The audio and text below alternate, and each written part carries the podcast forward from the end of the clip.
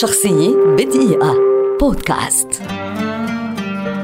والي سوينكا كاتب روائي ومسرحي وشاعر نيجيري كبير ولد عام 1986 ويعد واحدا من أبرز وأهم الأدباء في التاريخ على مستوى أفريقيا والعالم. لا بل يعده البعض أفضل كاتب مسرحي في تاريخ أفريقيا قاطبة.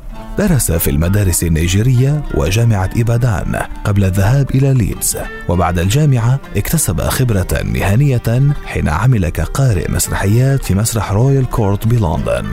بعد عودته إلى نيجيريا عام 1960 قاد محاولات لتطوير المسرح النيجيري بينما كان يدرس ويقوم بأبحاث في جامعات إيفي وإبادان حتى أودع السجن بعد اندلاع الحرب الأهلية النيجيرية. وقد وصف تجاربه هذه في روايته الشهيرة مات الرجل.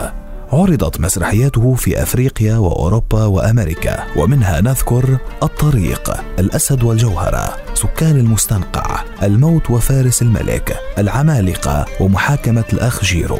إلى جانب مسرحياته نشر مجموعات شعرية منها مانديلا الأرض وقصائد أخرى. طائرة كبيرة تحطمت في الأرض بعد الطوفان.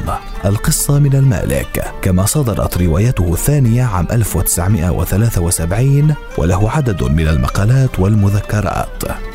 حصل وولي سوينكا خلال مسيرته الأدبية والثقافية الحافلة والطويلة على عدد كبير من الجوائز والتكريمات حول العالم. أبرزها دون شك جائزة نوبل للآداب التي حازها عام 1986 شخصية بدقيقة.